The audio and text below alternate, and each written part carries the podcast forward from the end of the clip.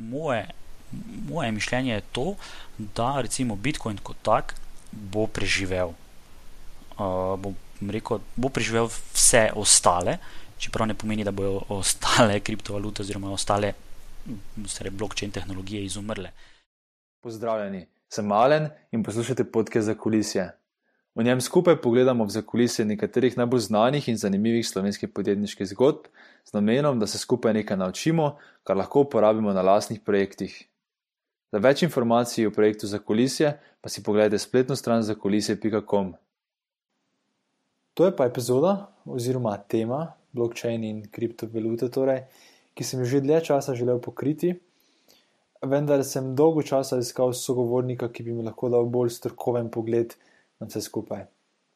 Na koncu sem tega sogovornika našel kar v krogu svojih prijateljev iz otroštva in sicer gre za Mohameda Turkanoviča, ki je doktor znanosti, računalništva in informatike. In je svoj doktorat pisal prav na področju kriptografije, ki je v bistvu zelo tesno povezana uh, z tehnologijami blockchaina in kriptovalut. Drugače, Mohamed trenutno dela kot docent na Mariborski fakulteti Ferry in sodeluje pri projektih raziskovanja in implementacije blockchain tehnologij. Njegova izkušnja z Bitcoin in blockchain tehnologijo sega v same začetke leteh, ampak da ne povem preveč, bom, bomo kar začeli z samim posnetkom pogovora. Škaj damo začeti, to me fulj zanima in sicer za nič mi razlaga o tej zgodbici, tvojem prvem stiku z Bitcoinom. Lahko malo več o tem poveš? Ja, uh, zadeva je bila takšna. Jaz sem uh, doktorat pisal pred približno enimi šestimi leti. Tema moja doktorata oziroma tematika doktorata je bila kriptografija. In takrat nekako so se tudi začele te govorice o bitcoinih in kriptovaluti Bitcoin. In, in zaradi mreko radovednosti sem se spustil malo v to zgodbo, da vidim, sploh, kaj je, kako to deluje, kaj sploh je rudarjenje oziroma majnanje. Ne? In takrat sem si tudi dal uh, to aplikacijo Gor, začel uh, malo majnati, ko sem ugotovil po parih dnevih, da sem namajnal par bitcoinov, kar je se skupaj zneslo na ne vem, nekoliko zelo majhno vrednost, rekel takratnem denarju. Sem pač na koncu vse skupaj opustil, ker se mi je zdelo, da več elektrike porabim kot pa karkoli drugega. Um, da, tisti stari računalnik, verjetno imam še vedno nekje, ampak uh, ni, ne verjamem, da, bi, da bi še spoh znal jaz najti, oziroma da bi uspel najti tisti, uh, tiste namajnane bitcoine. Ok, Ej, kje točno pa si spoh se srečal s tem, mislim, kaj, viš, kaj so to objavili nekje, da je pač bitcoin out there ali je to bilo. Um, Nek na forum, ali veš, kako si sploh prišel do te informacije? Hm, jo je dobro vprašanje. Se pravi, to je že nekaj 5-6 let nazaj, odkar je to. Uh, verjetno, ja, na kakšnih uh, spletnih straneh oziroma teh novicah, ali pa uh, tudi v, takrat sem bral, začel prebirati te uh, strokovne in znanstvene članke, uh, pa mislim, da sem med drugim tudi zasledil en uh, članek o uh, uporabi kriptografije v uh, kriptovalutah in tako naprej. Ne, tak da mislim, da mogoče me na ta način pot uh, zapeljala v to smer. No. Mhm. Kje pa bi potem rekel, da si se prvič začel ukvarjati z samo blockchain tehnologijo? Uh, z samo blockchain tehnologijo, recimo, um, ko, smo, ko, smo, ko sem se, oziroma osebno sem se odločil, da se malo bolj spoznam z ozadjem Bitcoina in z to idejo, da bi dejansko lahko uh, to tehnologijo blockchaina mogoče uporabili tudi v kaj drugega. Uh, pač bom rekel bolj iz radovednosti, uh, drugo bolj iz, iz tega razloga, ker pač uh, upravljam službo, ki jo upravljam. Uh, in takrat sem potem začel raziskovati, kakšne opcije so sploh uporabe tega blockchaina, uh, oziroma te tehnologije blockchain. Uh, tako da to je bilo mogoče pri kakšnem dvemi, tremi leti, da sem um, začel tako rekel, po površju uh, prebirati in iskati pač, uh, načine, kako bi se lahko uh, tehnologija blockchain tudi v kaj drugega uporabila, kaj ni uh, kriptovaluta oziroma kaj ni blok oziroma bitcoin. No. Uh, kasneje sem se pa bolj podrobno spustil v to, ko me je zaintrigirala zgodba uh, platforme Ethereum, um, ki dejansko omogoča te pametne pogodbe.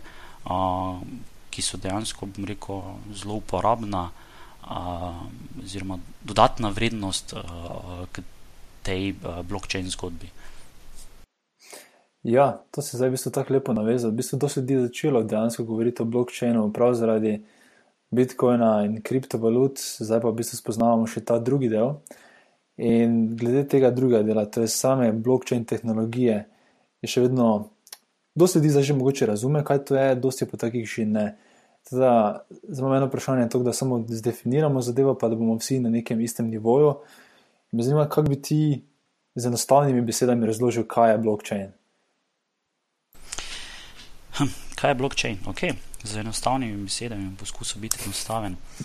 Uh, uh, kot prvo, to dajmo razjasniti. Pač Bitcoin je samo uh, ena vrsta uporabe uh, blockchaina, oziroma kriptovalute so ena vrsta uporabe uh, blockchain tehnologije. Uh, Bitcoin je del tega reko, pojma uh, kriptovalut, uh, tako da.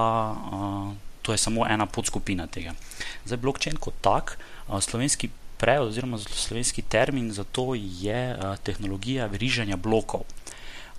In dejansko bi lahko opisali to tehnologijo veriženja blokov kot nekakšno platformo, na kateri potem slonijo drugi programi oziroma druge aplikacije. In to si mogoče najlažje predstavljamo tako, kot da je blockchain recimo v primerjavi internet, torej infrastruktura, recimo računalnikov, ki so med seboj povezani. Ti računalniki se recimo povezujejo in komunicirajo med seboj, posredno pa tudi mi preko računalnikov med seboj in z računalniki. In na tej infrastrukturi interneta potem imamo različne aplikacije, različne programe, različne strežnike, različne spletne storitve. In recimo za nas, reko, uh, splošne uporabnike Facebook, Google, dejansko vse to sloni na internetu. In torej mogoče najbolj preprosta razlaga je, da blockchain je kot neka nova infrastruktura, ki nam omogoča določene specifike, ki jih kasneje povem, ampak na tej infrastrukturi pa imamo zdaj nove, recimo, te storitve, kot so recimo kriptovalute, pametne pogodbe in tako naprej. Uh, moramo pa razumeti, da uh, blockchain kot tak ni zdaj samo uh, ena infrastruktura, ki je zdaj že razširjena po svetu. Uh, blockchain tehnologija je tehnologija, imamo pa dejansko uh, blockchaine, torej uh, specifične čejne, ti so lahko privatni ali javni. Recimo, javni so uh, javno dostopni, torej tako kot je Bitcoin, ki ima svoj blockchain, Ethereum ima svoj blockchain in tako naprej. Ne? Seveda se vsak lahko pridruži v ta blockchain in uh, recimo tam majna, oziroma je samo node in tako naprej. Uh, upam, da sem povzel na nek način. Ja, Ej, um, zadnjič, mislim, pred tem pogovorom, oziroma zadnjič, ko smo se pogovarjali, sem omenil, da obstajajo neke tri različne vrste blokčina. Zdaj si omenil tega zaprtega, pa odprti. Obstaja še tretji, če se prav spomnim. Ja, torej, imamo torej permissionless, uh, oziroma uh, permission, permissionless, oziroma te, ki so, jim, uh, so javne, uh mhm. -huh. potem imamo te, ki so popolnoma privatne, in uh, tiste, ki so načeloma privatne, ampak so javno dostopne. Uh mhm. -huh. torej, to so te tri skupine. In uh, rekel, najbolj lep primer teh javnih, kot sem že prej rekel, Ethereum, uh, blockchain oziroma Bitcoin, uh, recimo privatne pa bi, je recimo uporaba Hyperledgerja, ki je koncept, uh, ki ga je odprtokodni koncept, oziroma odprtokodna tehnologija blockchaina, ki je pod Linux Foundation, uporabljajo tudi v IBM-u zelo rigorozno in jo širijo rekel, v te podjetniške in bančne uh, kroge. Uh, in tisti, recimo, se lahko aplicira na način, da se, da se postavijo nodi, oziroma da se postavi rekel, blockchain, ki je pa popolnoma pod kontrolo recimo, tistega, ki ga je postavil, torej bodi si podjetje ali kakšne organizacije. Uh, in na tistem se potem lahko omeji dostop samo znotraj organizacije ali pa dostop od zunaj ki hkrati pa imajo potem še vedno oni nad kontrolo, uh, oziroma kontrolo nad tem, kaj se dejansko uh, dogaja s tem uh, blockchainom, v razliku od mm. tega javnega. Zdaj si predstavljam, da že dosti poslušalcev je tako uh, zelo zanima, zakaj bi sploh hotel imeti zaprt blockchain, ne? ker zdaj se vsi pogovarjamo o Bitcoinu, ki je odprt. In na nek način se več čas podarja glih ta aspekt uh, blokčina, torej ta odprtost. Ne. In zato me zanima, kako ti gledaš na ta zaprt blokčin, uh, kje ima smisel in kje pa ima bolj smisel odprt. Ja, to je stvar implementacije. Zdaj, če si predstavljamo nekakšno organizacijo, ki vidi smisel v uporabi blokčina, ta organizacija lahko gre v zgodbo pametnih pogodb, jih pripravi na uh, Ethereum platformi, uh, s tem, kaj naredi, to je, da uporablja torej javno dostopen blokčin. Seveda si ona z, um, reko, s programiranjem pametne pogodbe sama uredi njeno, uh, njeno delovanje. Uh, ampak je pa seveda vse potem javno dostopno na Ethereum platformi.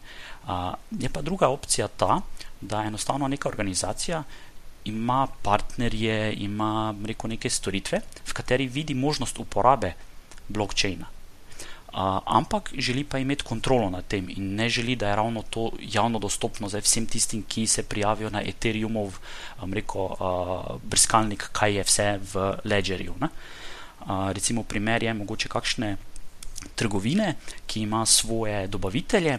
Uh, in recimo vsakič, ko bi dobavitelj kaj trgovini dobavil, bi skeniral, recimo, da je poslal izdelek kot neka loga, reko, logistična sled. Vsakič, ko bi se kaj naredilo, uh, bi se reko, poklikalo in bi se uh, to zapisalo v ledger. Uh, ko bi rekel storitev oziroma neka, neki artikel prišel v trgovino, bi se to ponovno skeniral, ta pa ta oseba je pripeljala to storitev oziroma ta artikel in bi se to vse zapisovalo v rekel, ta semi-privat blockchain.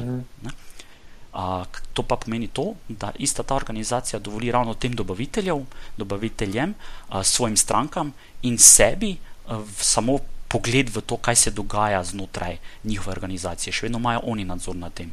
In uh, ena zanimivost pa je ta, da čeprav je blockchain uh, mišljen, da je prvič decentraliziran, drugo pa to, da omogoča, um, oziroma da ne omogoča, reko, uh, spreminjanje sledi, ki je že bila, je to recimo z temi privatnimi možno pač urediti. Torej, Uh, imamo svoj privatni blockchain, s katerim potem rečemo, ok, čeprav se je to zapisalo v ledger in načeloma si želimo, pustimo še vedno možnost, da določene stvari enostavno izbrišemo. Ne? Zato, ker je vseeno to naša zadeva, naš produkt, naša organizacija in imamo svoje, bom rekel, uh, zamisli, kako bi naj vse to delovalo. Uh -huh, uh -huh. Zdaj smo šli že kar globoko v samo definicijo, um, kar je super, ampak dotaknemo se že par teh prednosti in to bi rad eh, še malo razdelil. Torej, kje se vidiš prednosti blockchain tehnologije, pa mogoče, da se dotaknemo še tudi slabosti? Ja, načeloma, rekel tako, uh, porazdeljenost, o kateri smo govorili, o teh, uh, recimo, uh, različnih skupinah in, in, in o tej decentralizaciji, oziroma decentraliziranost kot taka omrežja, je predvsem prednost.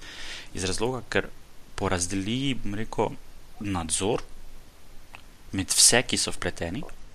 Nimamo nobene centralne, torej neke organizacije, ki bi kakorkoli delala nad uh, to tehnologijo oziroma nad samim podatkovnim tokom znotraj uh, blockchaina. Torej, in ne samo na nadzor, ampak tudi odpornost. Torej, tudi odpornost je porazdeljena, ker v primeru, da recimo. Uh, se odloči, da bi se recimo napadlo to omrežje, ne? Ne, če bi omrežje bilo centralizirano, je dosti lažje potem uh, izvesti napad na neko centralizirano omrežje. Uh, če pa je omrežje porazdeljeno in, in, in decentralizirano, potem to ni tako enostavno. Potem neki zunanji napadalec bi vem, moral zajeti vse. Uh, deležnike tega omrežja, v primeru, da si potem res uspe kakorkoli onemogočiti uh, to omrežje. Mhm. Um, od prednosti je predvsem blokčina tudi odprtokodnost. Primer tega je predvsem to, da recimo mi lahko uh, načeloma katero koli od teh blokčinov, uh, vsi so dostopni na GitHubu, zdaj, uh, mogoče lajkom to nič ne pove, ampak je to enostavno en tak prostor na internetu, kjer so programi že spisani, mi si jih lahko ogledamo, si jih kopiramo in nadaljujemo, oziroma prispevamo k temu, kaj je že narejeno in garažirano, bom rekel, tako lajično na spletu. In dejansko je dosti teh blokčenov, torej odprtokodnih, mi si jih lahko dejansko ogledamo, kako deluje koda. Uh, prvič je to fajn, ker uh, ne rabimo začeti rekel, znova nekaj narediti z nule, lahko kar kopiramo in nadaljujemo in dodajamo svoje neke uh, feature. Druga zadeva, ki je pa tu pozitivna, zakaj, da je to odprtokodno, pa je recimo to, da ravno zaradi tega, ker je to odprtokodno, je toliko ljudi recimo si ogledalo tole kodo Bitcoina, pač rekel ljudi, ki se spoznajo na to in so dejansko ugotovili, da znotraj te ni napake, ki bi ogrožala njihovo sodelovanje. Bodi si mhm. njihov denar, ki ga bojo vložili v Bitcoin, ali pa njihovo anonimnost, če si jo želijo, kar je recimo pri Bitcoinu, vsaj na začetku, bilo zelo zaželjeno, oziroma načeloma je še vedno zdaj. Ne. In ravno anonimnost je tudi lahko zdaj prednost tega. Je pa to zdaj odvisno, govorimo o a, teh, odvisno, kakšni, kakšnem blokčinu govorimo, je to privatni ali javni ali, ali kakorkoli drugače. Ampak če se vrne nazaj, anonimnost je torej prednost, je lahko, oziroma pač eni vidijo v tem prednost. A, torej, da ti lahko, da, zakaj je to fajn? Zato, ker govorimo o decentraliziranem omrežju, torej kdorkoli na svetu je lahko del tega omrežja. In če mi dovolimo, da kdorkoli na svetu lahko del tega omrežja, pomeni, da bo kdorkoli na svetu, ki je del tega omrežja, imel kopijo vseh teh podatkov. In seveda v tem primeru jaz si ne želim, da se točno zdaj vidi, da je Mohamed a, ne vem, kupil ne vem, spodnje perilo tu in tu, recimo, če sem naredil takšno akcijo. A, zdaj, če govorimo o tej globalni, seveda, potem so drugi scenariji, da imamo privatni blokčen in tako naprej. Mhm. Zdaj pa, a, zakaj pa je zato pozitivno? To je bil en primer, ampak pozitivno, anonim, ta anonimnost, ki je pozitivna, pa dosežemo z varnostjo. Ne? In prvič varnost dosežemo s to decentralizacijo, drugič pa pač z uporabo te state of the art kriptografije oziroma teh kriptografskih protokolov, ki a, so trenutno, rekel, tako a, a, a, izpiljeni, da delujejo učinkovito s pomočjo eliptičnih krivulj in, in, in tako naprej. Za uporabnika načeloma končnega to ne, ne pomeni nič, uh, ne rabi on se spoznati na to. Pomembno je samo, da ve, da uh, če se gre v zgodbo nekega blokčina, ki je decentraliziran, ki je anonimiziran in tako naprej, da lahko tudi verjame, da je tako, ker je varnost uh, te neko platforme temu primerna. Zdaj, nekako tako, zdaj, vse to, kar sem zdaj našteval, pač bolj privede do neko posledic tega, da je to pozitivno. In sicer, ne vem, da imamo manj prevar. Ne, če je nekaj uh, v blokčin zapisano in je anonimizirano, uh, recimo, ne moremo mi kar spremeniti to blokčino. Ne, torej, ne moremo mi narediti, ne moremo pač zmanjšamo možnost prevar. Ne. Potem uh, tako že rekel, sistemske napake oziroma sistemske nevarnosti se zmanjšajo. Sistemske v smislu, če imamo mi neko centralizirano platformo, potem obstaja možnost, da nekdo, tako kot sem omenil, napade to platformo, naredi nek, uh, pripelje do tega, da pride do nekih sistemskih napak in vse skupaj pač potem preneha. Ne. Če pa je vse to porazdeljeno, potem je manjša verjetnost do tega. Uh, pa predvsem zmanjšanje stroškov, te pa lahko potem kasneje kaj povemo, ker z uporabo teh blokčenov bi se lahko middlemeni odrezali, a, lahko pohitrimo poslovne procese in tako naprej. Ampak načeloma to, da je centralizirano, pretokodno, da imamo porazdeljeno odpornost, da imamo nek konsenzus, a, kako se bomo dogovorili a, po potrebi anon, anonimiziranost in tako naprej. Uh -huh, uh -huh. Kaj pa so potem slabosti blokčina? Ja, slabosti. Uh, lete, naj, največkrat, ko govorimo o slabostih blokčina, se izpostavlja recimo zgodba o uh, Bitcoinu in o tem, kako postaja vedno bolj, vedno bolj um, rekel, okoren, da ni, zmožen, uh, da ni zmožen procesirati vseh teh transakcij, da se ustvarja vedno več, uh, da porabi vedno več energije in tako naprej. In načeloma, če povzamem, so to res dejansko slabosti blokčina oziroma bitcoina kot takega. Zdaj pa, če grem naprej, bi se moral dotakniti dveh drugih konceptov in sicer blokčin lahko temelji na različnih koncept, rekel, konceptih konsenzusa.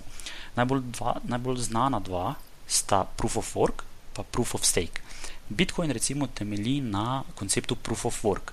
To pomeni to, da imamo mi od zadaj v tej Bitcoin, bom rekel, mrežju, a, določene osebe, ki majnajo. Te osebe, ko majnajo, dejansko potrjujejo naše transakcije. Zato, da oni potrjujejo naše transakcije, oni dobijo seveda nagrado. Ta nagrada znaša 25 novih bitcoinov, ki se njim dodeli. Ampak, ker je teh majnerjev toliko in vsi tekmujejo med seboj, kdo bo tisti, ki bo potrdil, rekel, je ta način, kako potrjevati, zasnovan rekel, na konceptu težavnosti računanja določenih matematičnih težav. In ta zahtevnost se s časoma viša. In če se spomniš tisto, kaj sem ti na začetku govoril za mojo zgodbo, sem jaz že z navadnim računalnikom takrat lahko namajnal recimo 0,9 bitcoina v parih dneh, recimo danes z svojim računalnikom jaz tega več ne morem početi. To so zdaj že posebni gridi oziroma cele farme računalnikov, ki mhm. delajo samo na tem. Zato, ker s časom se ker je vedno več minerjev, ker si vedno več ljudi želi biti tisti, ki bo dobilo nagrado 15 bitcoinov, želi biti del tega, se avtomatsko, rekel znotraj bitcoin omrežja, ta zahtevnost računanja večja. In ker se ta zahtevnost računanja večja, ti računalniki so potrebni. Oziroma, so potrebni vedno bolj zmogljivi računalniki, oziroma ne samo računalniki, ampak cele farme teh računalnikov, ki porabijo ogromno elektrike. In samo en primer, ena od teh največjih uh, farm na, v Kitajskem, ki uh, reko majna bitcoine, uh, porabi na dan, mislim, da, oziroma imajo stroške z elektriko na dan okrog 50 tisoč dolarjev. Torej, samo na dan imajo tako velike stroške. Uh, in zdaj, če se predstavimo v vlogo, da živimo v 21. stoletju, ker bi, na, ker bi naj, vem, razmišljali o, o, o tem našem planetu, da ga čim manj obremenjujemo, ne vem kaj še vse. Ne, elektriko za majnanje, torej dejansko uh, mi porabimo ogromno resursov, virov naših življenjskih, rekel našega doma, ne, samo zato, da majnamo bitcoine oziroma da potrjujemo transakcije. Zdaj, to so slabosti. Druga slabost je tudi ta, a, da recimo vedno več podatkov se shranjuje v ta blockchain. Zdaj pa, gled, je pa druga stvar. Ta, da prvič obstajajo drugi koncepti konsenzusov. En drug primer sem že povedal, proof of stake, o katerem lahko kasneje več povem. Tu pa se dejansko ne govorimo več o majnanju, ampak o forženju, tam več ne govorimo o minerjih, ampak govorimo o forgerjih in tam se ne porabi nikakršna elektrika za to, da se transakcije potrjujejo. In recimo lep primer je ta, da Ethereum bo v kratkem prešel ravno iz enega koncepta v drugi. Zdaj, tudi težavo o, o vedno večji količini podatkov, ki se shranjujejo v blockchain, se tudi počasi rešujejo, tako kot se je z Bitcoinom, z tem forkom, hard forkom rešilo, z to segvid aktivacijo in tako naprej.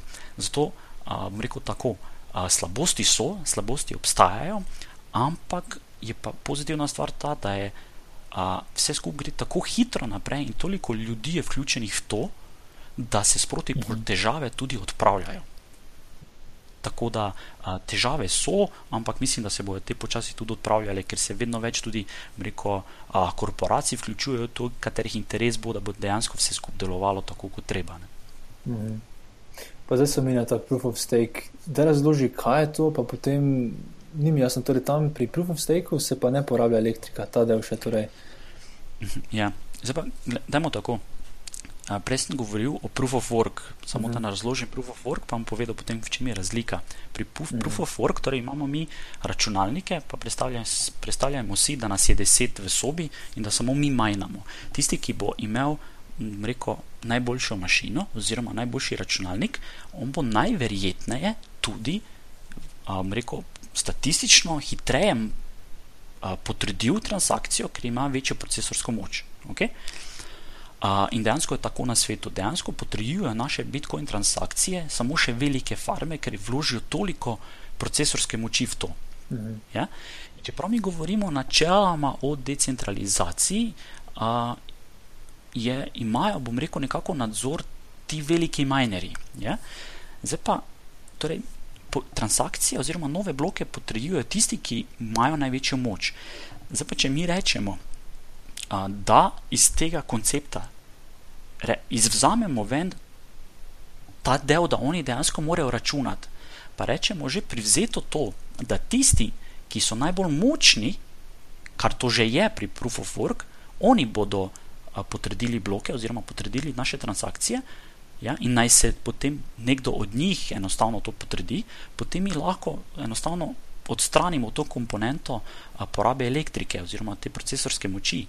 In dejansko proof of stake deluje na principu, da a, bojo majnali oziroma forđali a, transakcije tisti, ki imajo največ deleža v tem. In zdaj si predstavljate na ta način, a največ deleža recimo Bitcoina dejansko imajo trenutno minerji, zato ker jih majnajo. Zdaj pa, če mi enostavno rečemo, da tisti, ki imajo največ Bitcoinov, oni potrjujejo, ne, potem oni sploh ne bi rabili več dejansko uporabljati, računati teh matematičnih funkcij.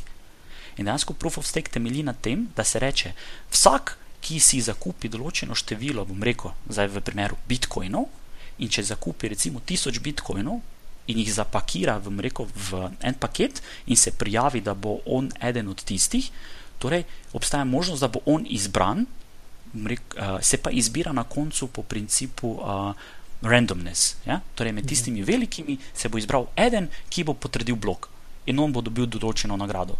V naslednji rundi pa bo verjetno nekdo drug, ampak načeloma so pač tisti, ki imajo največji zalogaj. Zakaj pa je to smiselno? Smiselno iz tega razloga tudi zaradi varnosti celotnega omrežja. Največja nevarnost, reko, proof of work je ta, da moramo imeti konsens 51% tistih, ki so del tega omrežja. In načeloma, če bi se 51% rekel minerjev dogovorilo, da enostavno bojo začeli oni za nekaj drugega ustvarjati, oni potem lahko enostavno zrušijo mreže.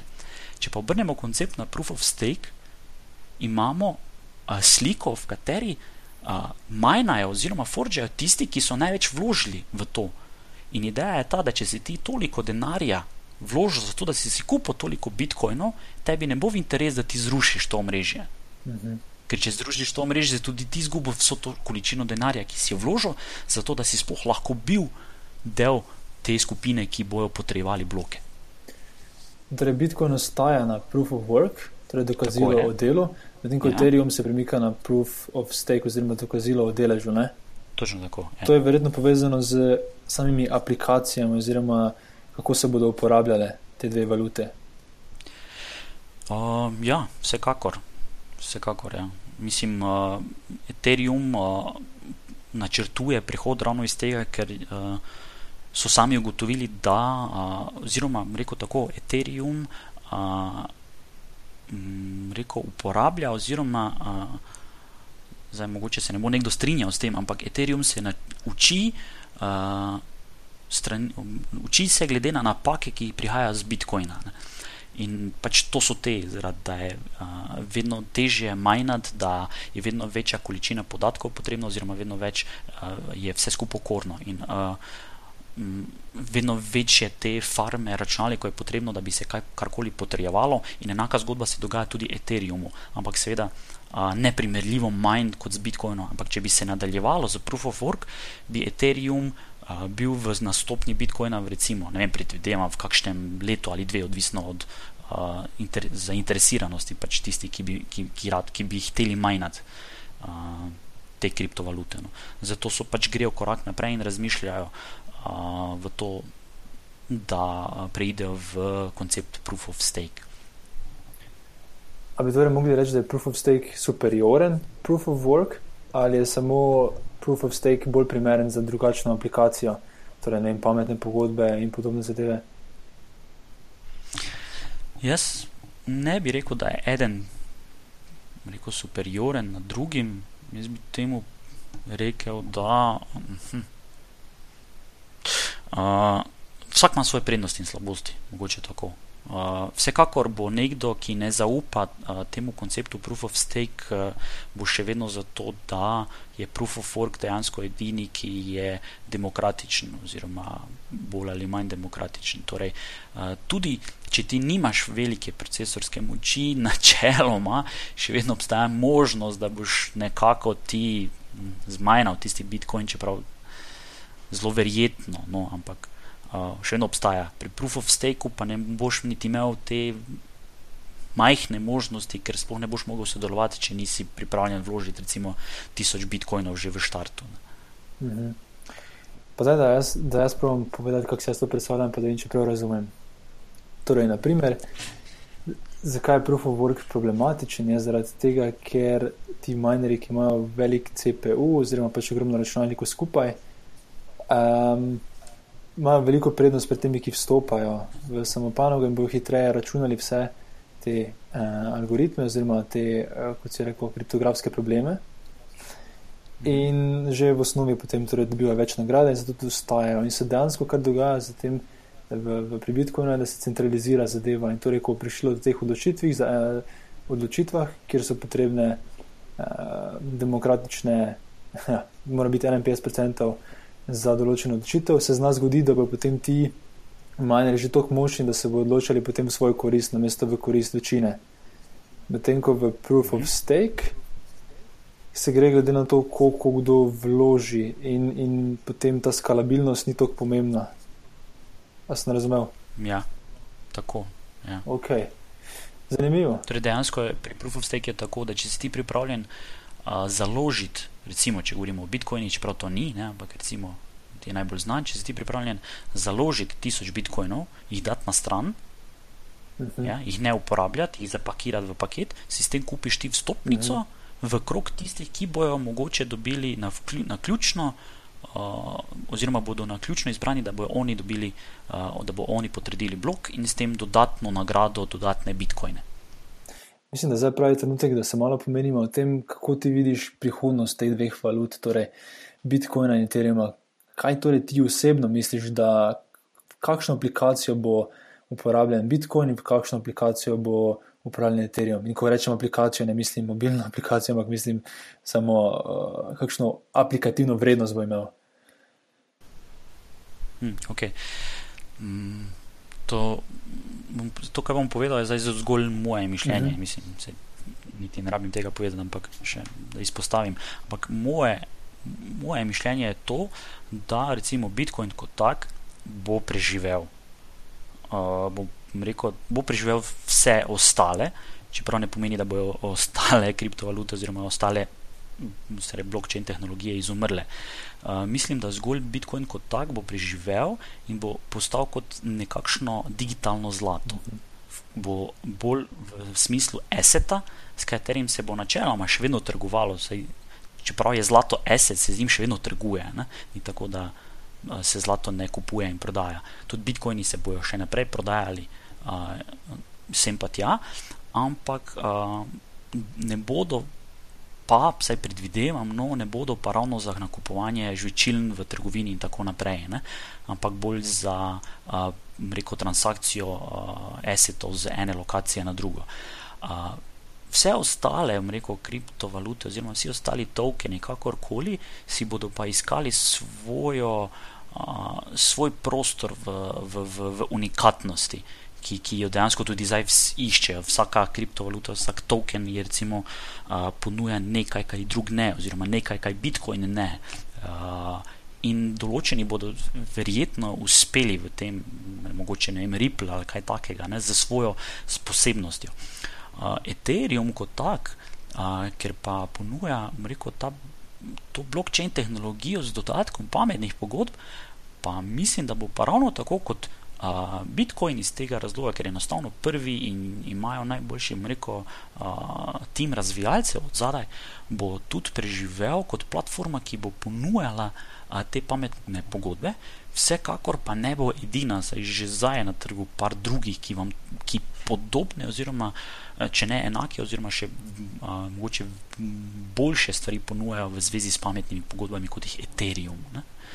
Rast obeh cenovno, oziroma vsaj moje predvidevanje v vrednosti bo obima rasla zaradi vedno večje uporabe in razširjenosti oziroma razumevanja teh. Mhm. Naj, drugo pa zadeva je pa ta, da a, a je to bubble ali ne, kar se tiče Bitcoina, jaz se kakor mislim, da to ni bubble. Uh, fluktuacije so rekel, ogromne, z dneva na dan lahko to pade tudi do 600 tisoč evrov. Se je tudi že zgodilo, tudi že v prejšnjih dveh tednih smo doživeli kaj takega. Ampak načeloma, če pogledamo, uh, rekel, ta Bitcoinov graf neprestano mhm. raste. Ne. Uh, druga zgodba so pa vsi drugi ajkoti, tisto pa, tisto pa mislim, da so, no, je neki bubble in da mhm. tisto pa ne bo preživelo. Samo tu, kot hitro opozorilo, povem, se jim to ni. Um, na svet za vlaganje, da bodite previdni, karkoli se odločite z vlastnim denarjem. Eh, vsekakor se ti verjetno s tem strinjaš, da ne bo potem. Ja, zato sem to izpostavil, da me ne bo kdo potem kontaktiral, ker uh, sem jaz nekaj povedal. Ja. To je vsekakor moje mišljenje, zdaj pa kaj se bo pa zgodilo, pa ne vem. Ja, e, ampak zdaj si navezal lepo na AIKO in na te zadeve. In sicer pogovarjali smo se o Ethereumu, pogovarjali smo se o Proof of Stake, pogovarjali smo se zdaj o AIKO-tih. Torej, zakaj in kako to vse zgodbo v bistvu poveže skupaj? Torej, Ethereum je kot neka platforma, ne, na katerih se bodo lahko sklepale pametne pogodbe. In Proof of Stake, v bistvu ta novi način uh, dokazila o deležu, bo k temu pripomogel. Ne? In ICOT-i so pa načeloma kot nek zdaj prvi primer te uporabe teh pametnih pogodb. To, kar sem zdaj povedal, to je samo moje razumevanje. Trenutno prvo se boji tebe, če razložiš, če to prav razumem in kaj se točno dogaja tukaj.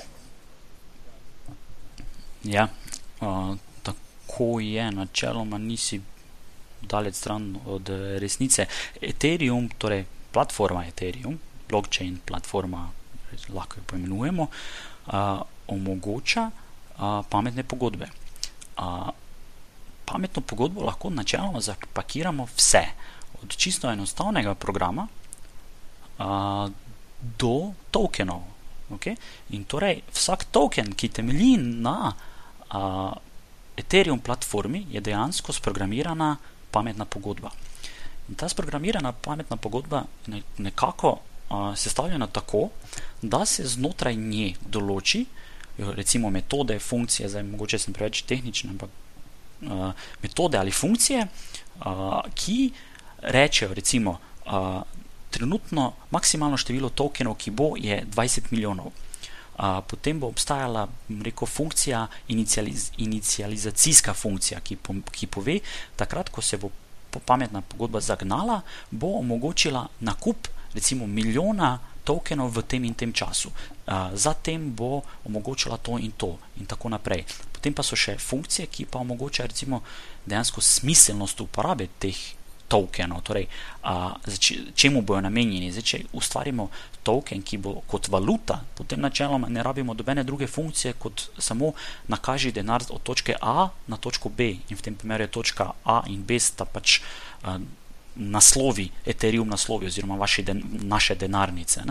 Zdaj, če pa mi želimo v pogodbo vključiti karkoli drugega, pa seveda to potem so nove funkcije ki bi lahko bile v primeru, da je nekdo poslal toliko, toliko neke vrednosti nekih tokenov.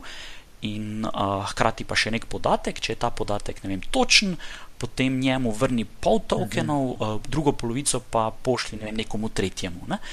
Uh, ampak, če se zdaj vrnem nazaj, ja, torej, ICOT-i načeloma temeljijo na uh, Ethereumu, torej na uh, tokenih. Ti tokeni so del teh pametnih pogodb, v katerih pa se pa potem določi to, kaj je specifika mm. teh tokenov. Ne. To je pa tisto, kar sem prej razlagal. Tudi imamo zdaj različne kriptovalute, recimo vsaka ima potem neko specifiko. Ne. In to, te specifike se recimo lahko definirajo znotraj teh uh, uh, pametnih pogodb. Ne. A lahko daš še kak drug primer uporabe pametne pogodbe, ki ni nujno vezan na finančni svet? Pametna pogodba, recimo v Uh, recimo v Ameriki, zdaj načeloma, uh, sem ravno prebiral, da poskušajo narediti pametno pogodbo, oziroma poskušajo narediti proof of, uh, proof of concept, uh, kjer bi recimo uh, avta, ki so sposojena, oziroma ki so na leasing, uh, se dejansko izposodila, oziroma rekel, kupila ali kakorkoli to prek leasinga poimenovali, uh, prek pametne pogodbe. Torej, mi bi kup, rekel, vzeli ta avto, uh -huh. uh, nakazali bi recimo ljudem je najbolj znan Bitcoin, uh, rekel, Bitcoine nakažemo uh, v to pametno pogodbo. Uh, ko se preveri, pametna pogodba preveri, ali je to število coinov, tokenov dovolj za, uh, bom rekel, najem takšnega avta. Če je, mi lahko gremo po avto. Ja? Tisti, ki nam bo predal avto, bo pogledal v blockchain in bo videl, da ste res dali toliko in toliko tokenov. Okay? Znotraj pogodbe se pa hkrati recimo definirajo, da more ta oseba, ki je prvič nakazala ta denar, vsaki mesec še nakazati pač leasing, ne vem, 100, 200, 300 evrov. Ne? In v primeru, da a, zapade plačilo za dva meseca, v tem trenutku mu takoj lahko blokirajo žig nadaljavo. Mhm. Torej, že zdaj v Ameriki, oziroma že predtem, pred blockchainom, so v Ameriki imeli možnost, oziroma so imeli takšne scenarije, kjer si, si ti sposodil avto, oziroma na leasing, in v primeru, če nisi plačal dva obroka, so ti oni nadaljavo blokirali žig motorja. In dejansko je pa tukaj zgodba ta, da dejansko bodo oni to naredili, ampak z uporabo blockchaina in pametnih pogodb, bo to avtomatizirano. Mhm. Ne bo oseba uh, za šalterjem, ki bo dnevno pregledala transakcije in bo rekla: Aha, ne vem, ali ni plačal dveh obrokov, zdaj pa bom, bom blokiral. Dejansko bo blockchain tehnologija odrezala middlemana, odrezala tistega za šalterjem, ki to preverja, in bo avtomatizirano to preverjala.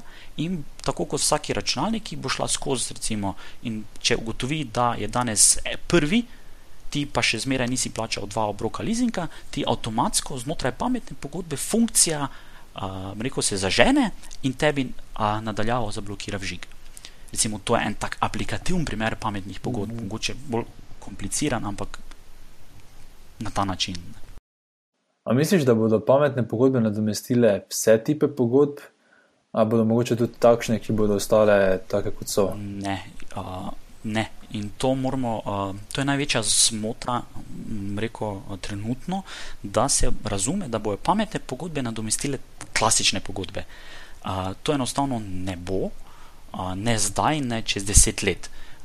Mogoče čez 20 let predvidevam, ko bo tudi um, umetna inteligenca tako daleč, da bo znala razumeti te naše kompleksne pogodbe.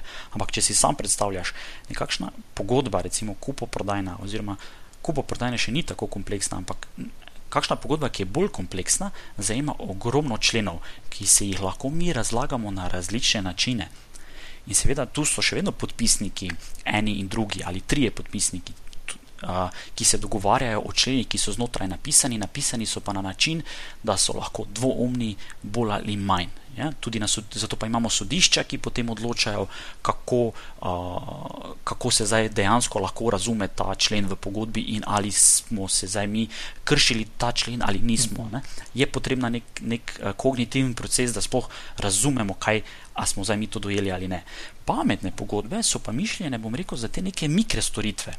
Ravno zato, da preverjajo neke mikro zadeve, torej, ali je nekaj plačano, če ni, ja, v tem primeru avtomatska blokacija. Tu pa ni potreben ne človek, nobena, noben a, psihofizični napor človeka, da preveri, aha, a, je, a imam jaz na računu strani Alena nakazano toliko denarja, če imam, potem naredim to. Ne?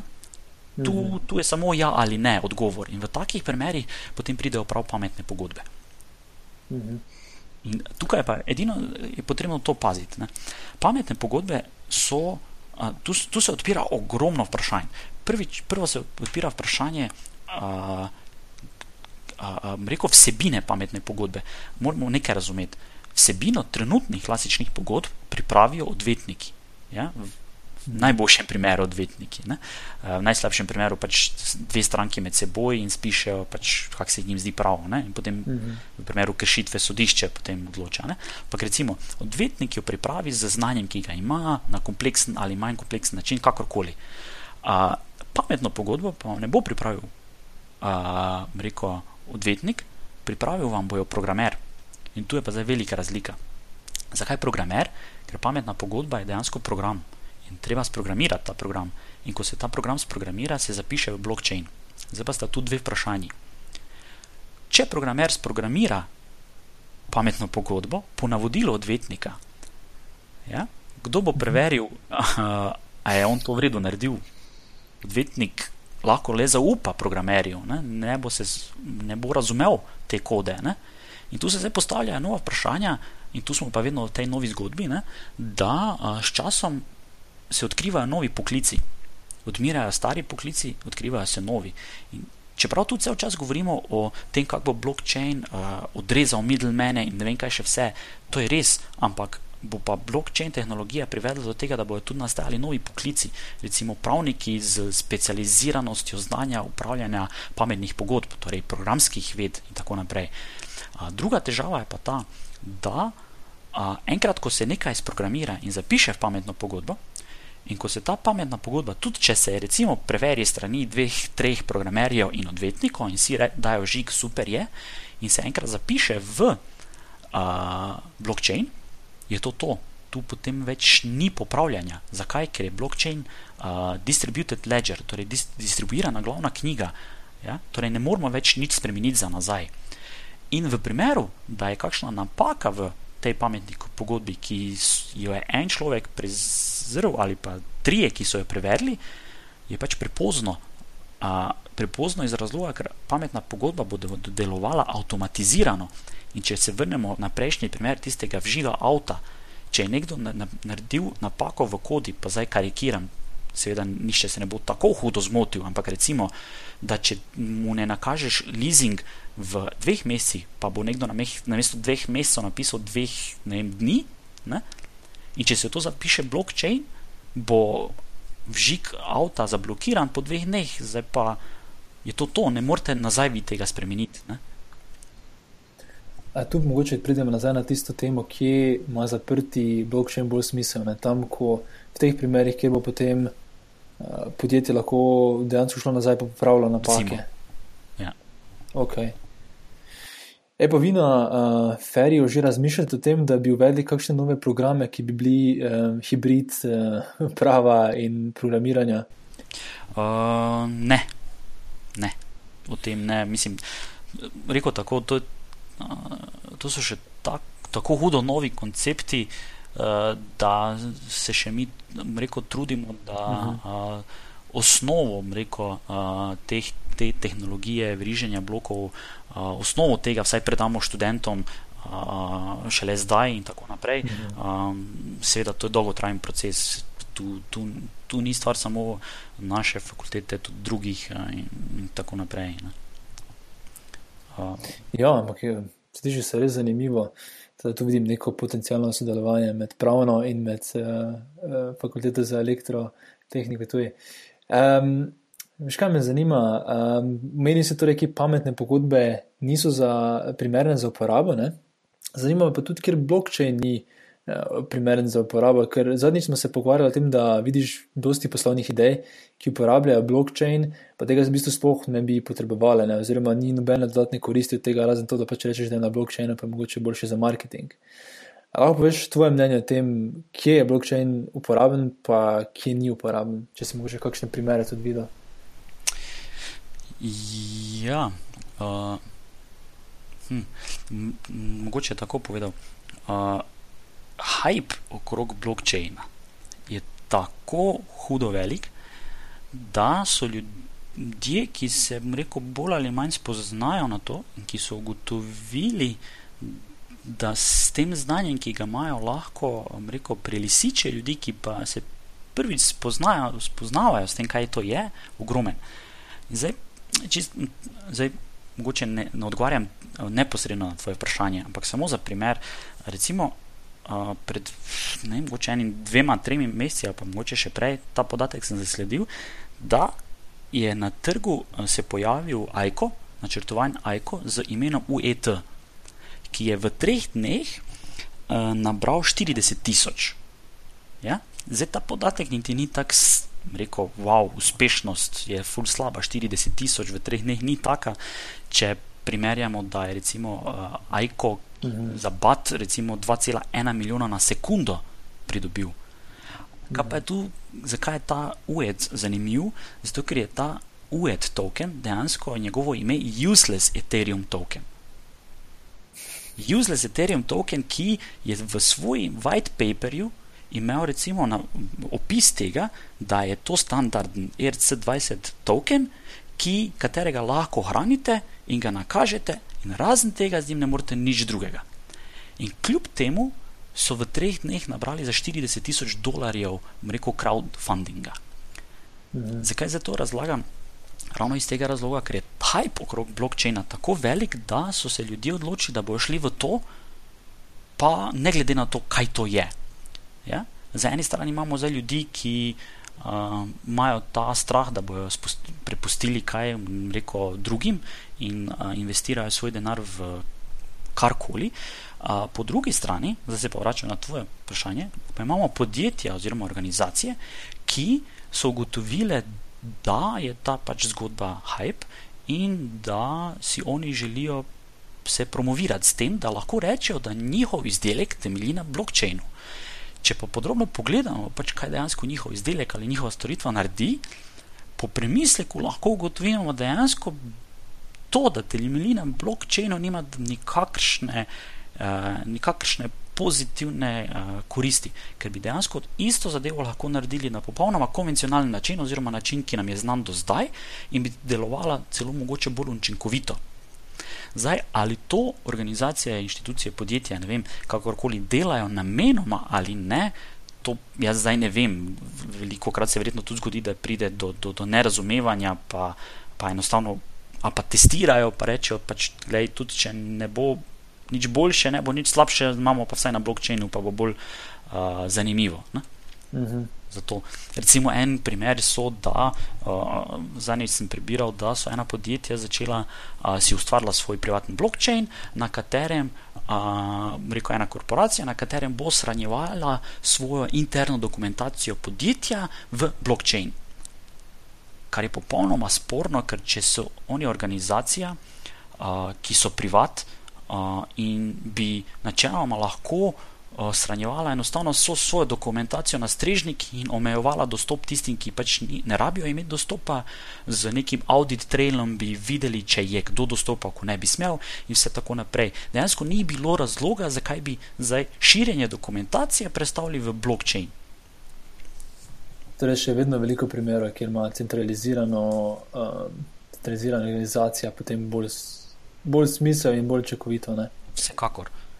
Vsekakor. Tudi, tudi rekel zdaj, vsi se s tem ukvarjajo, od uh, akademskih inštitucij do vlad, do um, rekel, organizacij, ki um, uh, načrtujejo oziroma pregledujejo trenutno stanje na trgu, tako kot je Gartner in tako naprej. Uh, vsi so se s tem začeli ukvarjati. Uh, in kar je, kar je tudi pozitivno, ker uh, lahko iz tega, da se vsi, da se vsi ukvarjajo s tem, pričakujemo, da bojo pač se napačne zadeve iz, rekel, popravljale, slabe zadeve se bojo izboljševale, zadeve, ki niso jasne, bodo s časoma bolj jasne, ker je vedno več ljudi vpletenih. Je pa pač seveda. Trenutno ta ciklus tega, da se pa zdaj naredi vse, samo da smo del tega. Uh, in za, predvsem za, recimo, za organizacije, ki bi ki razmišljajo o uporabo blokčina, vsekakor predlagam, recimo, prvo pregled, sploh kaj, to, kaj, kaj ta tehnologija je, kakšne vrste blokčina obstajajo. Potem Gartner vam recimo omogoča a, določene strategije a, in njihova mnenja, kdaj recimo tehnologijo blokčina uporabiti za določen scenarij, kdaj pa ne. In vsekakor prvo pregledati, kdaj in si poskušati odgovarjati na vprašanja kritično, in če pa potem res recimo, vidimo, da pa ima to smisel, potem seveda id v to zgodbo. Mhm. Je pa tako nasplošno, v katerih panogah in industrijah vidiš ti uh, največjo korist od blockchain tehnologije, tako na grobo rečeno? Prvo, kar mi pade na pamet, je recimo logistika. Tukaj vidim predvsem zdaj, ne samo logistika, kot vem, v smislu tovrnjaki, ki prevažajo nekaj, ampak uh, logistične sledi. Uh, Eh, recimo uh, Walmart v Ameriki, IBM je v povezavi uh, z, z uporabo tega Hyperledgerja uh, in z sodelovanjem z Walmart, pa še z določenimi drugimi podjetji, uvedel to uh, uporabo tehnologije blockchain za sledenje uh, japonske govedi, oziroma mislim, da celo nasplošno za sledenje vse hrane, ki se proizvaja. In ravno tu, recimo, vidim največji potencial, oziroma je najlepša slika, kaj doprinese uh, uh, uh, tak, tak blockchain. In sicer, recimo, uh, lahko kmet, ki uh, goji, uh, oziroma pač, ki, ki ima govedo, preden ga uh, pošlje naprej v, v, v cepljenje, seveda se to zapiše v blockchain, kateri uh, veterinar je cepil to, uh, recimo, govedo, kateri uh, potem, ko se to govedo pošlje v zakol, se zabeleži, katera klavnica je to naredila, ko je, uh, ko je govedo enkrat v klavnici, se zabeleži, kdo dejansko je dejansko bil, pri, oziroma kdo je zaklal to govedo, ali, ali je to stroj, ali je to človek, a, komu so predali potem to meso, ki je bilo pripravljeno. Ne? Vse se to potem lahko a, kot nekakšna sled beleži v blokčinu. Do tistega trenutka, ko je tisti kos mesa, recimo v trgovini, na katerem je zapakirano uh, v, v tisti, rekel, uh, v tistem uh, embalaži. v embalaži, kakorkoli, in na njej bi lahko recimo bil uh, uh, QR koda, ki bi jo na koncu uh, reko, stranka lahko skenirala in bi se bi odprla aplikacija, ki bi iz blokčina ven, ravno ravno tako smesa, po, uh, pokazala. Celotno sled za nazaj, torej kje, kje je bila klavnica, kdo je bil veterinar, kdo je bil kmet, in tako naprej. Ne?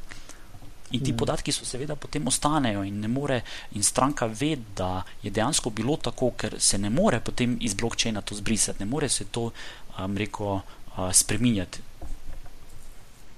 In v bistvu s tem tež, rešujemo tudi težavo zaupanja, torej, da moš ti zdaj trenutno zaupati nekemu podjetju. Točno tako. Uh, tudi verjetno tekstilna podjetja imajo podobno težavo. Točno ne? tako je. Um, tu potem veš točno, kaj dobiš. A pa je kakšna panoga, kjer pa bi mogoče imel obraten primer, da v bistvu tako na grobo rečeno pa ni smiselno. Čeprav je verjetno težko, ker je fully odvisno od uporabniškega primera. Ampak... Zelo odvisno od uporabniškega primera. Zdaj na pamet. Lahko pa tudi kak pozitiven primer, še to, da si malo bolj predstavljamo. Ja, ok. Potem en drug primer, oziroma tako rekel, en najbolj uh, prvotnih uh, use caseov za uporabo blokčina, um, rekel, na globalni ravni je bila uporaba v uh, zdravstvenih kartotekah. Nekako prvi, rekel, prvi, prvi članki, ki so začeli objavljati na temo, kako uporabiti blokčin v nekaj, kar ni kriptovaluta, je bilo omenjanje uporabe blokčina v uh, v, v, v, v, v, v, v sklopu z e-health records oziroma elektronskimi eh, zdravstvenimi kartotekami. Zakaj je to zdaj zanimivo?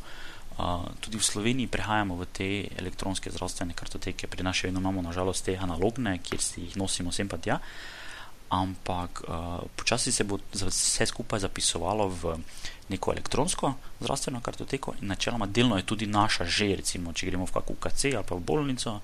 Uh, imajo tam načeloma centralizirano, garažirano podatke o naših prihodih in posegih in tako naprej. Ne. Zdaj, vprašanje se pa tu postavlja, ker imajo recimo oni shranjeno te podatke o nas, kdo ima potem dostop do tega. Ne. Mi bi radi vedeli, kdo ima dostop do tega, kdo si je pogledal za mojo kartoteko. Ne. In ker si ne želimo, recimo, da zaradi nekakšne napake pride do tega, da je nekdo pozabil geslo, uh, oziroma se pozabil odjaviti, recimo, pa potem recimo neka čistilka lahko vidi, vem, kaj, kaj je zdravnik dejansko naredil za poseg, recimo pri nas, ker si želimo onemogočiti to, je pač ravno a, uporaba blokčina znotraj a, teh health recordsov lahko pač idealna. Zakaj? Ker se lahko enostavno postavijo vse te naše, vse, kaj se z nami zgodi, oziroma vsi posegi, ki so povezani z našim zdravjem, se lahko zapisujejo v blokčin. Zdaj, seveda, bo lahko zdaj se nekdo vpraša, zakaj bo zdaj pisano blockchain, pa bo vse to videli. Ne? Ja, ampak spomnimo se peš čistih prednosti, da lahko mi naredimo seveda blockchain, ki je anonimiziran. Kar pomeni, da se bo znotraj blockchaina zapisal vse o nas, hkrati pa bo to, bom rekel, anonimizirano, ne bo se vedelo, komu zdaj to pripada ta podatek. Uh, in uh, to pa pomeni tudi to, da lahko mi naredimo blockchain tako, da vsakič, oziroma to platformo, na kateri bo te e-zdravstvene kartoteke, tako da vsakeč, ko bo nekdo dostopal do naše kartoteke, se bo tudi zapisalo, kdo je zastopal in v kateri uri je dostopal. Kar pomeni to, da bojo ljudje, vsaj ki so, imajo neposredni stik z našimi kartotekami, začeli razmišljati, kdaj dejansko odpreti našo kartoteko, oziroma a si upajo zlorabiti v pogled v a, našo kartoteko. Zdaj, pri nas je tu, rekel bolj. A, a, Splošne narave, ali kako naj rečem, v Ameriki je pa to, rekel, zelo pereča tema, ker recimo v Ameriki dosti krat zavarovalnice recimo izrabljajo podatke o svojih zavarovancih in če ti ugotovijo, ne glede na to, na zavarovance, če ti ugotovijo, da ste vi zboleli za, za neko boleznijo, a pa se ne rabijo niti ugotoviti, da ste zboleli za boleznijo. Oni, če že ugotovijo, da ste vi začeli prejemati določena zdravila, ki nakazujejo možnost bolevanja za določeno boleznijo, a, dejansko imajo pravico, da vam ukinejo a, zdravstveno pač zavarovanje in tudi to delajo. In ravno taka uporaba blokčina oziroma teh zdravstvenih kartotek, ki bi temeljila na blokčinu, bi to delno zmanjšala. Hmm. Bolj zanimivo. Polen drug primer, kaj je, a, pa to že v določenih državah. A, a, Pa ne vem, če nekje tudi je že Slovenija se omenjala v, v tej zgodbi uporaba blokčina v zemljiški knjigi. Mhm. Zdaj, zakaj je to pač uh, zemljiška knjiga? Rekel je kot neka glavna knjiga neke, nekega območja, recimo Slovenije, države, ne, v kateri je, so zapisane vse nepremičnine.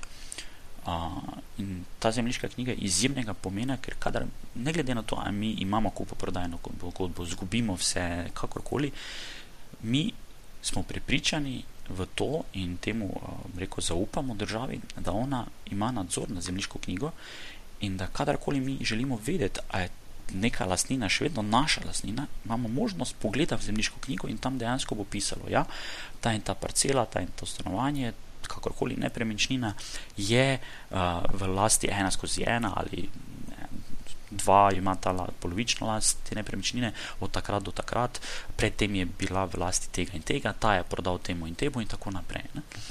In zdaj, zaradi.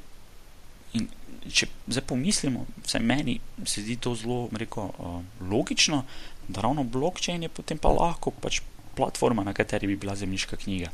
Prvič, kaj si s tem pridobimo, je to, da ne samo da zdaj zaupamo državi, tej smo primorani, oziroma ji zaupamo, da bo to nadzirala. Ampak, če pa bi to temeljilo na nekem a, porazdeljenem, oziroma na nekem blokčinu, ki je decentraliziran, bi lahko temu še bolj zaupali, ker potem nismo primorani, da zaupamo samo državi, ampak še mogoče kakšni drugi instituciji, ki hrani recimo del, oziroma ki hrani kopijo tega blokčina. Tudi, prav, tudi fajn je to, da da spet zadeva je recimo anonimizirana po potrebi, lahko pa se seveda imamo v pogled v to, kaj se je vse dogajalo.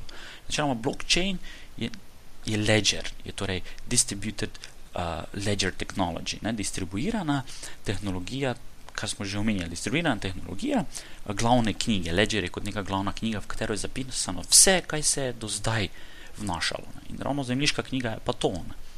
Mhm.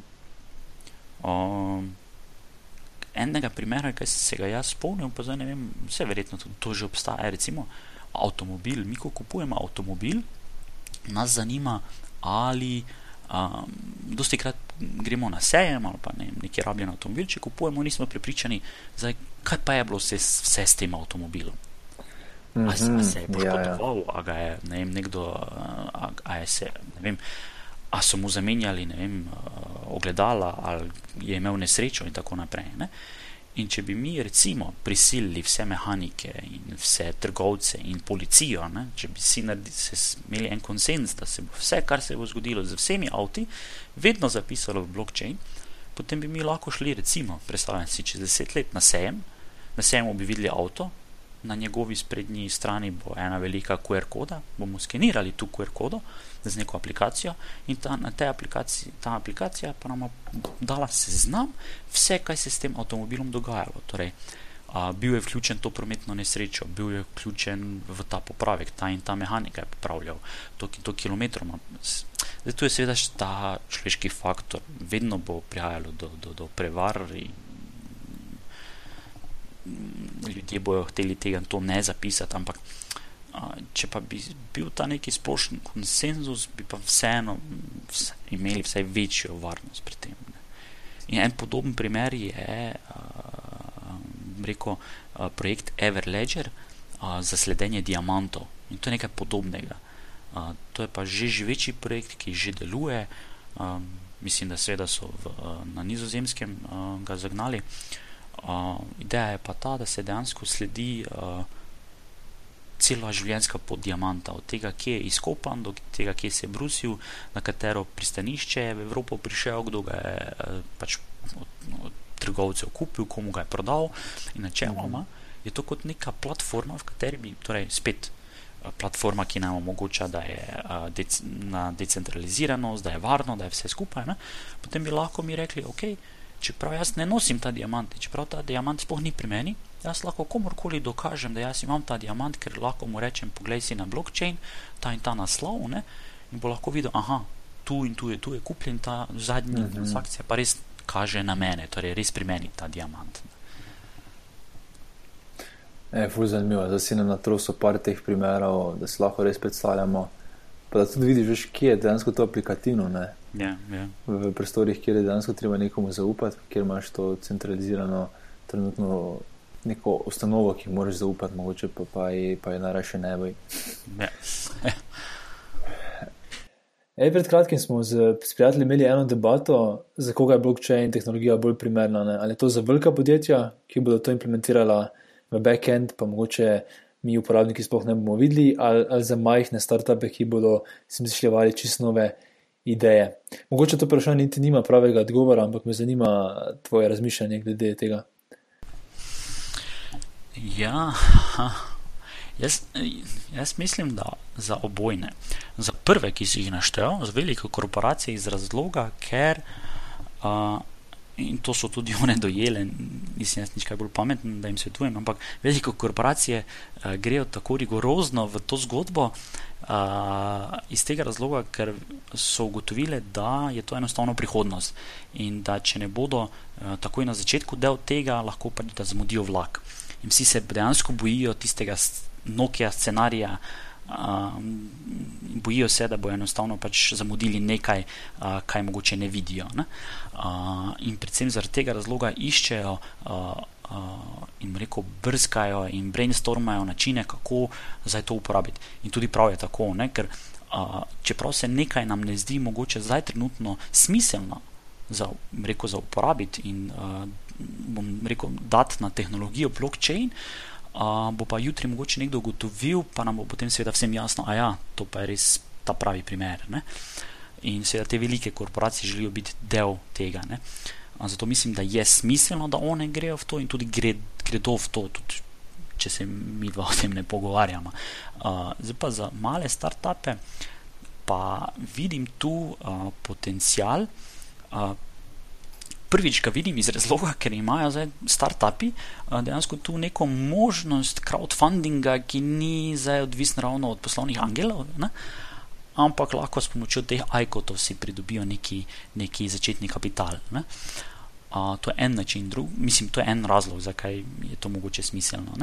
Uh, čeprav tu je pa spet zdaj ta stvar, uh, vsa ta zgodba o, o ajkotih, da, da, da se bojo bolj uh, rigorozno preverjali. Kitajska jih je to popolnoma prepovedala, v Ameriki SEC že načrtuje tudi uh, bolj rigorozne preglede teh ajkotov in tako naprej. Ne? Ampak pustimo to, pustimo to na stran. Uh, zakaj bi še start-upi šli v to? Uh, osebnost mnenja in tudi tako je, da dejansko majhna in srednja podjetja in start-upi so tisti, ki ustvarjajo nove, a, a, a, zanimive stvari. Dejansko se je vse začelo pri tamalih, ne redko kaj je potem, oziroma dosti. Reko, koristni stvari so, so začeli z start-upi. Ne. In uh, jaz mislim, da bo ravno start-upi tisti, ki nam bodo uh, razširili obzorja blockchaina. Ne dejansko bodo start-upi tisti, ki bodo a, mladi fanti in dekleta, ki bodo ugotovili uporabo, uporabnost blockchaina mm. v specifiki, tisti, ki bodo širili dejansko tudi blockchain. In tudi mislim, da je prav tako. No. Zato, da zaženeš svoj blockchain, startup, pa rabiš blockchain developerja. Sedaj še teh um, trenutno kar unikornih pogovoriti. Uh, torej, za vse nas, ko nismo mojstri v tem, kako prepoznamo sploh blockchain developerja, ne? kaj so sploh znanja, ki jih mora imeti. Ker kot si sam prej tudi povedal, gre za veliko zaupanje. Če nekdo ne razume, kaj točno nekdo počne, pač mora na besedo, na besedo verjeti, da on to zna. Torej, kaj ga mi preveriti, oziroma gotoviti, če gre za legitimnega blockchain developerja. Hm, Rekl tako, najboljše je preveriti na način, da, da se ga enostavno prosi, da vam pripravi nek enostaven prototip, ne, ki bo temeljil na blockchainu. In vam seveda, ko vam pripravi prototip, hkrati tudi rekel, v podrobnosti razloži, kako deluje. Na, če vam bo znal razložiti in pripraviti prototip, potem boste tudi vedeli, da zna, da, da razume in da mu je uspelo. Ne. Zdaj, včasih seveda to ne gre in rekel tako objektivno, kako bi lahko. Ne vem, mogoče videli, če a, a, a je kdo zdaj res blockchain developer, je vsekakor ena mu verjetno, mislim, ni, ampak je osnova ta, da je verjetno znam programirati. Da, uh, da je bodi si, vem, inženir računalništva ali pa pač študent ali pa kdorkoli, ki pač zna programirati, ker brez tega vsekakor ne bo šlo, ker mora imeti znanja uh, pro, za uh, programiranje, mora imeti znanja, uh, uh, kaj so to omrežja, mora imeti vsaj približno znanja o kriptografiji, da razume sploh, kako to deluje, uh, je pa potem spet odvisno, kak scenarij uh, bo ta oseba implementirala. Zdaj, če se govorimo o neki kriptovaluta, bo predvsem, predvsem pomembno tu znanje kriptografije. Če govorimo o neki pametni pogodbi, uh, ki uh, bo seveda tu posebej uh, potrebno znanje programiranja in to zelo dobrega programiranja in razumevanja vseh teh konceptov. Da vsekakor so to. Rekel tako, vsekakor so to osebe z, z izkušnjami iz programiranja, pa imajo, rekel, uh, širši pregled nad uh, temi osnovnimi koncepti, torej kaj, kaj sploh je distribuiranost, kaj so sploh. Uh, Podatkovni bloki, kaj sploh, kako se sploh programira. Recimo za programiranje Solidify, rabite, morate znati, ali pa Go, programski jezik, v, za Ethereum, za ARK in tako naprej. Uh, to so različice C, programskega jezika C, če se ne motim. Pač, torej, dejansko, če hočete karkoli narediti, morate znati programirati. Zdaj, a, a bo to en jezik ali drugi, s katerim boste to morali narediti, načeloma nima, ni za to pomembno. Ampak je pa nažalost na vsekakor tako, da če nekdo like iz računalništva in informatike, pol žal ne bo mogel pač sam tu nič. Je pa torej odvisno od same ideje, ki jo imaš, torej kakšnega blockchain developerja iščeš. Torej, če si bolj v pametnih pogodbah, je fajn, če bolj uh, tudi kao pravo, vemo, če ampak ja, tudi da danes zelo. Hm? Vsekakor, ker če, če, če, če, če se vrnemo nazaj, kaj smo se prej pogovarjali, da, da smo recimo neko podjetje, ki bi rad, ki bi rad naredilo nekaj in ugotovimo vsi skupaj, recimo, ne, da je bolj pametna uporaba recimo privatnega omrežja, pa seveda neka oseba, ki bo to naredila, mora sploh razumeti, kako vzpostaviti takno, takšno omrežje. In tu načeloma niti ni potrebno ne nekakšno programersko znanje, mogoče celo bolj nekakšno uh, znanje o, pač o omrežji, zdaj kako vzpostaviti to, kaj je, kaj je node, uh, kdo bo kaj naredil, kako se bo to povezalo. Uh, kasneje pa seveda pač kako za to aplikativnost tega blokčina, ki smo ga spostavili, kako za izkoristiti ta blockchain ne, z aplikacijami in z dodatki na ta blockchain. Ne. Tako da je kar, rekel, ni enostavno zadeva. No. Prej mislim, da si že malo omenil to, ampak te bom vseeno še enkrat vprašal, da lahko v celoti dobimo tvoj odgovor. Torej, ta novi rek, blockchain je novi internet. Kako ti to komentiraš? Ja, uh, torej, mogoče še enkrat tako. Uh, en lep primer, pa nisem si ga samo izmislil, ampak uh, je ta, da predstavljamo si tako, uh, internet nam je vsem koristen iz tega razloga, ker nam omogoča povezovanje. Uh, s tem, ko se mi povezujemo, si mi dejansko izmenjujemo informacije. Zdaj mi dva se ne bova prek Facebooka ali prek Messengerja ali prek spletne strani povezala, uh, če si ne bomo izmenjala informacij. Ne? In dejansko je internet platforma, ki nam je omogočala izmenjavo informacij. Uh, zdaj pa blockchain v analogiji z internetom, pa si ga lahko predstavljamo, recimo, zato spet se navezujem na bitcoine in tako naprej, ampak mogoče najlepši primer, zakaj ga rečemo, da je analogno internetu. Torej, internet a, je kot neko medij za prenos informacij. Blockchain pa si lahko predstavljamo kot medij za prenos vrednosti. Torej, dejansko si mi preko blockchaina ja, nakazujemo bitcoine, tokene.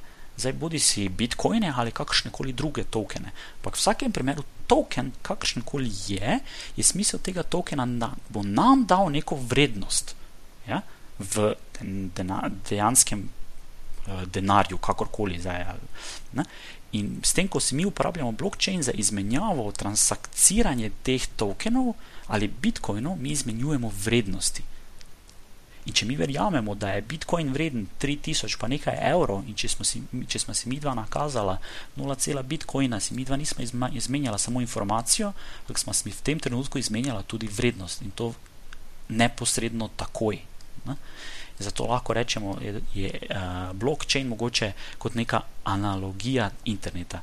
Seveda, ne me narobe razumeti, mi ne moramo imeti blockchaina, če nimamo interneta, ne? to je pa pač druga stvar. In torej na nek način predtem smo si pošiljali informacije, zdaj pa si lahko tudi vrednost prek interneta. Točno tako je. Mohamed, najlepša ti hvala za ta pogovor. Uh, meni si marsikaj razložil, um, upam, da tudi poslušalcem. Um, kot zadnje vprašanje pa bi ti pa me zanimalo, no, kje ti dobivaš dodatne oziroma kvalitetne informacije uh, o blockchainu in kje prebiraš novice, ker v tem trenutku se da veliko prebrati, ker pač ogromno prahu ne, okrog blockchaina, predvsem kriptovalut in je verjetno tudi napisano v dosti nebulos. Uh, Mar si kaj si verjetno tudi sam prebral, ampak me zanima, um, kaj je tako dober vir, z katerega bi se lahko še več naučili. Ha, okay. Jaz osebno rekel, tako dnevno pregledam novice za Coin Telegrafa. Uh, sem zadovoljen iz tega razloga, ker so res ažurni in objavljajo ogromno. Moramo pa razumeti eno zadevo, da je to uh, portal, ki uh, je dejansko temelji na promoviranju reko, blockchaina in kriptovalut. Uh, zato pač moramo vedno imeti reko, distanco, ker določene zadeve pač povejo in branijo kriptovalute, uh, ker dejansko temeljijo in pač obstajajo zaradi teh. Uh, tako da vedno moramo, pač, ampak tako kot pri vsakih novicah, pač, saj jaz imam vedno do, do, distanco do tega, kaj preberem. Uh, drugo pa vsaj jaz priporočam prebiranje kakšnih strokovnih člankov, zdaj za, rekel, za kakšne lajke, mogoče to preveč zahtevno, ampak vsaj prebiranje kakšnih povzetkov strokovnih člankov ali pa znanstvenih člankov. Uh, A pa mogoče, zdaj, če pa koga dejansko zanima, zdaj na trgu so že tudi kakšne knjige o osnovah krip, uh, kriptovalut in blockchaina in tako naprej. Tak da, uh, to, uh, sem osebno tudi eh, prek vseh teh flipboardov in vem, ostalih aplikacij, ki jih uporabljam za prebiranje novic, eh, prijavljen na uh, vse vem, blockchain pa cryptocurrency uh, reko tege, tako da dobivam dnevno, pač kjerkoli se kaj objavi na to temo, pač informacije, zdaj seveda ne prebiram jih vseh, ampak tisto, kolikor mi čas dopušča. Hvala, Mohamed, hvala še enkrat za tvoj čas in za res izjemne izjemno zanimive in poučne informacije o tej pereči temi. Ja, hvala tebi. Tako, to je vse v današnji epizodi. Če ti podcast za kulise všeč, te vabim, da se prijaviš na mailing listu na zakulisi.com, da boš obveščen ob objavi naslednje epizode. A ja, pa hvala vsem, ki ste oddali ocene in komentarje na iTunesu. Za tiste, ki pa še tega niste naredili, vas vabim, da mi tako pomagate razširiti besedo o tem projektu saj z vsako ceno in komentarjem iTunes boljše nagira podcast in ga potem lahko odkriješ več ljudi. Projekt lahko tudi finančno podprete. Trenutno sem ravno v procesu nakupa boljše audio opreme, da lahko zagotovim še boljši zvok in s tem izkušnjo za vas, poslušalce. Ta oprema ni poceni, tako da vsaka pomoč prav pride. Da to storite, torej da me podprete, lahko greste na paypal.me pošiljnica naprej za kulisje, torej paypal.me, pošiljnica za kulisje. Hvala še enkrat in se slišimo v kratkem.